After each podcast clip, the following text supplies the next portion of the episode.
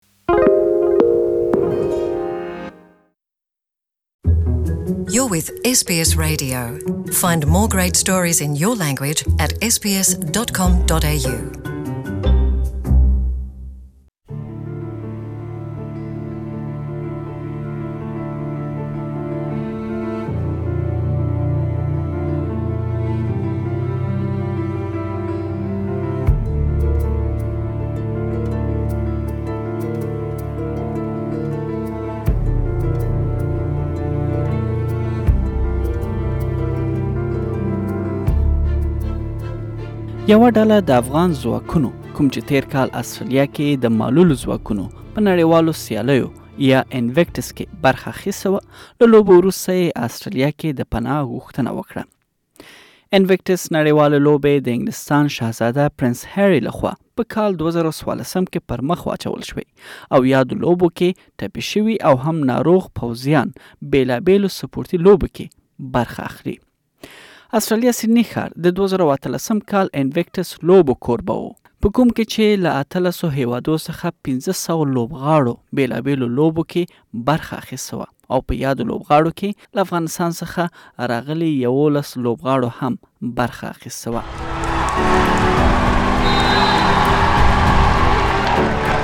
له افغانستان څخه یوولس سرتېرو یادو لوبو کې برخه اخیسته وه او د لوبو پای کې له راغلو یوولس سرتېرو څخه شپږ تنو یې استرالیا کې د پناه غوښتنه وکړه. یادو سرتېرو ته روانه اونۍ د استرالیا حکومت پناه ورکړه او هغوی ته یې د استرالیا دایمي ویزې ورکړې. افغان سرتېرو له اس بي اس پښتو خپرونې سره خبرو کې وویل چې ټول د استرالیا دایمي ویزو ترلاسه کولو وروسته د خوښۍ احساس کوي او دا مهال دوی د انګلیسي ژبې زده کړه کوي تر څو استرالیا کې خپل ژوند جوړولو لپاره ورسره مرسته وکړي سلیرش کلن ریاض تلاش چې یو په خیل طالبانو سره جګړه کې لاس ور کړې وایي د استرالیا دایمي ویزې ترلاسه کولو ته په تمه او یا د ویزې ترلاسه کولو وروسته ډېر خوشحاله دی. خبر چې راغی زه ډېر خوشحاله شوم، دې ته په تمه وم چې ویزه مې کله راځي که نه، نو مشکلات ډېر وو، بس کله خبر راغلو بس موږ ډېره خوشحالي وکړله که نه خوشحالۍ مو کولې، ډېر خوشحاله شو، بس امین ما ته وویل نو زه ډېر خوشحاله شوم، کور کې وې هغه وخت؟ کور کې وم. نو دلته به ته اوس آینده څه کوې څه نه کوې اوس؟ آینده ځان ته جوړوم اوس دغه یم دا کورس کې هم انګلش زده کوم یو ژبه زده کو یو درس وایو یو ځان نه شي جوړ کو چې درس ونه یو شي سړی نه جوړیږي چې درس وایو یو شي جوړیږي بس کوشش کو چې یو ځای ته ورسیږو آینده خپل کو او خپل بچیانو ته خپل خزي پاره بس یو ښه ژوند جوړ کو. اسټرالیا کې ټول پاتې شوي افغان سرتېري د اسټرالیا سیدني ښار کې ژوند کوي او دا مهال ځینې زده کړې کوي او ځینې کار کوي. سهیل ناصري او عبدالولي احمدزی دواړو د افغانستان ملي اردو سره خپل ماموریت دوران کې دواړه پښې له لاسه ورکړي. ښاغلی احمدزی وایي، نه غواړم چې په کور کې ناست اوسم او څه ونه کړم، غواړم چې پښې مې جوړې شي تر څو پر خپلو پښو ودرېږم، زده کړه وکړم او هم کار وکړم. هغه وخت ته چیرې وې څه حالت کې وې چې تا ته د ویزې خبر راغی؟ په هغه وخت کې ما د کور کار کاوه یعنې دیګی مې کاوه ځان ته چې ما ته مسج راغی و تا ته ویزه راغله زه ډیر خوشحاله شوم او واقعیت چې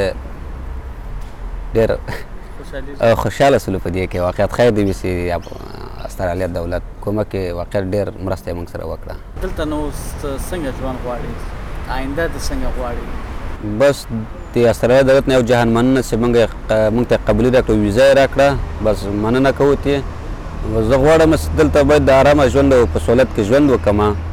اوس ویزه قبلي خو یې راکړله اوس باید موږ د پښو غم هم وخوړل شي باید موږ ته پښې جوړې شي موږ خپل کوشش وکړو چې خپل کار ته او خپل تېښت ته هر څه مشکلات ته موږ رسېدګي وکړو.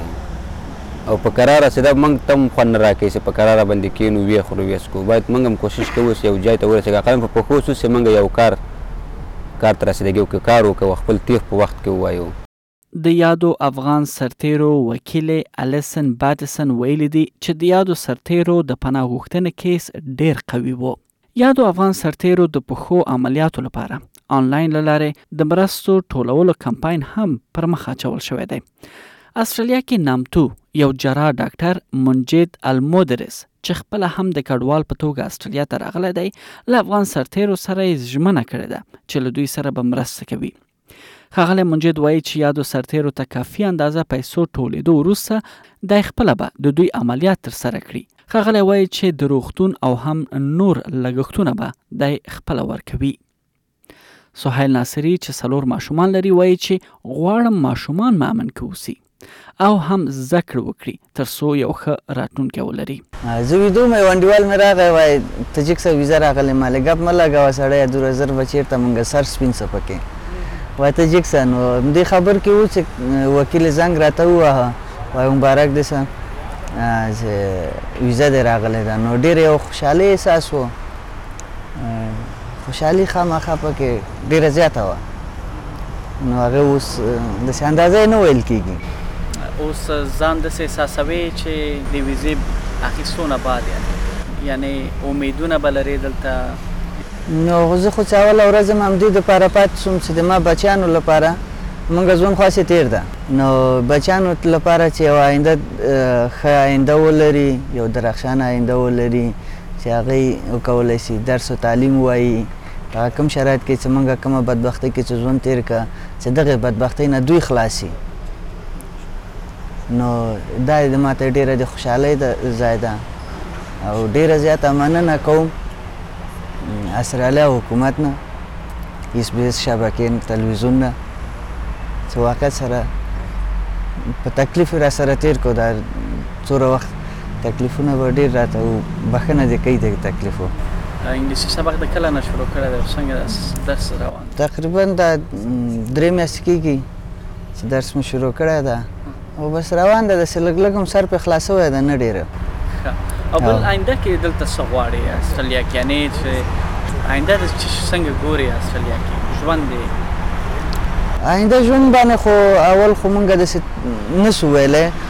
خو خپله چې څوک تصمیم لري که نه آینده ژوند موږ او تاسې په لاس کې نه ده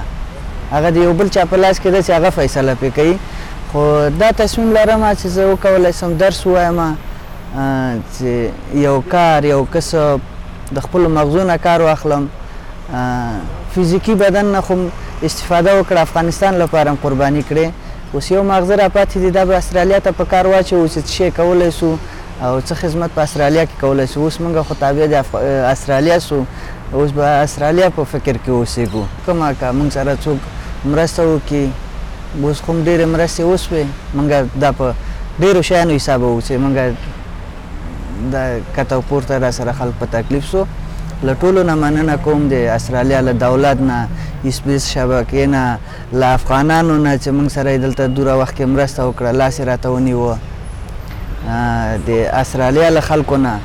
که په کښته او پورته ګشت و ګذار کې که په استادانو له لیاځه واقعیت سره موږ سره له توسه ډېر په تکلیف دي، زه له دې ټولو نه مننه کوم. او با له مننې نه زه اسرالیا دولت نه اما یو دوه خواهشه لرم چې یو امکان ولري دا پښې موږ ته جوړې شي. د استرالیا له خلکو نه او زمونږ فامیل راسي نو نور څه ویل نه لرم له ټولو نه ډیره ډیره مننه امین الله ارسلان له استرالیي حکومت څخه د پناه ورکونه لپاره ډیره مننه کوي ښاغلی وایي چې اوس زه د استرالیا یوه برخه یم او بله خبره چې زه د ویزه باندې خبر شوم ډېر زیات خوشحاله شوم د په دې ویزه باندې چې ویزه مو راغله. اوس چې دا اطمینان دی هسې لکه چې ته اوس استرالیا کې ژوند کوې نو دا څه معنا لري تا ته یعنې ستا ژوند کې څه؟ دا اوس ما ته دا پرماننټ ویزه راغله دا د استرالیا دغه ویزه راغله ما ته دایمي ویزه نو زه به دا دغه کوم چې زه یو عضو د استرالیا یو جز د استرالیا ځان ګڼم. نو موږ به هم دې همېش دا کوشش کوو چې د استرالیا ته خپل خدمت وکړو چې هغه په هر نګاه کې که په درس او تعلیم کې که د سپورټ په بخش کې او که د کار او د بزنس په هر طریقه یې نو اوس زه یو جز د استرالیا یم. نو هغه هغه وخت کې چې موږ او تاسو سره ملاقات وکړ هغه نه اوسه پورې څه شیانو کې مصروف وې څه دې کول؟ همغه نه راایسته اوس دا درس وایې دا درس باندې مې ډېر کوشش کړی چې اول دا زه به یاده کړم چې مهمترین کارول زمونږ داذبه ده زه به یاد کړم نو هر شی ان شاءالله کیږي د همغه سره نو درس وایم د طیف کې د ګرنیل طیف کې درس وایم. ډیر وختو کې داسې شوي دي چې ډیر کسان دي کیدای شي اوس هم خبرو کې تاسو وګوري چې فامیلونه دي د هغوی کیس نه قبلیږي هغوی بیرته لیږي نو که تاسو چیرې بیرته لیږل شوي وای یا ته لیږل شوی وای نو په تا باندې به یې څه اثر کړی وو څه حالت به ولا دا خو ما د پاره د امکان پذیر نه وو ځکه چې موږ ډیر یو بد وضعیت کې وو چې دلته راغلو پنام ورکړه استرالیا ته نو که بیرته موږ است افغانستان تللی وو دا هیڅ مت ډیر امکان پذیر نه وو چې دا زه بیرته تللی والته ډیر بد اثر را باندې کوو نو په تا ژوند ته به خطر وي ژوند ته به مې هم خطر وو او ځکه چې موږ هلته دولت لخوا نه موږ څه دغه سو نور د طالبانو لخوا نه ټارګیټ کوو موږ ځان به په خطر کې وو بس. اوس د امن احساس کوي؟ هو اوس د امن احساس کوم اوس خو بس امن ځای کې یم خو مقصد د موږ د فامیلو د غمه مو څه وخوري بس ان شاء الله ځای ته اوس مشکل ټول حل. خپل آینده څنګه ګورې؟ څه هیله ده چی د څه احساس کوي چی یعنی دلته به خپل ژوند څنګه یعنی. دلته د ما ژوند ډیر ډیر په سهولت کی ده زه چی دلته راغلی یم چی د ما د ځان خطر نه ووتو هم زه ډیر په سهولت کی سوم بیا هم دلته زه کوشش کوم خپل درس ووایم د خپل د خپل آینده هم جوړه کړم د خپل د اولاد آینده هم جوړه کړم نو ډیر څه زما په دغه کی دی چی ان شاءالله زما اولادونه به دلته تعلیم یافته شی او پیشرفت به وکړي. زه د استرالیا د دولت نه ډیره زیاته مننه کوم. چی موږ سره په دی رسته کی موږ سره ډیر زیات کمک وکړ موږ ځوان په خطر کی وراغلو دلته پناه مو واخستله او موږ ته یی رد رانه کړ موږ ته ویزه راکړله ډیره زیاته مننه تی کوم زما دغه یو پرابلم نور ده چی دغه یما فامیلی سره کمک وسی چی دا یما فامیل هم سیف سی نور هر څه سوی دی موږ موږ ته ډیر زیات څه سوی دی چی دا موږ دلته قبول سوی یو ډیره زیاته مننه کوم داسترالیا دولت نه.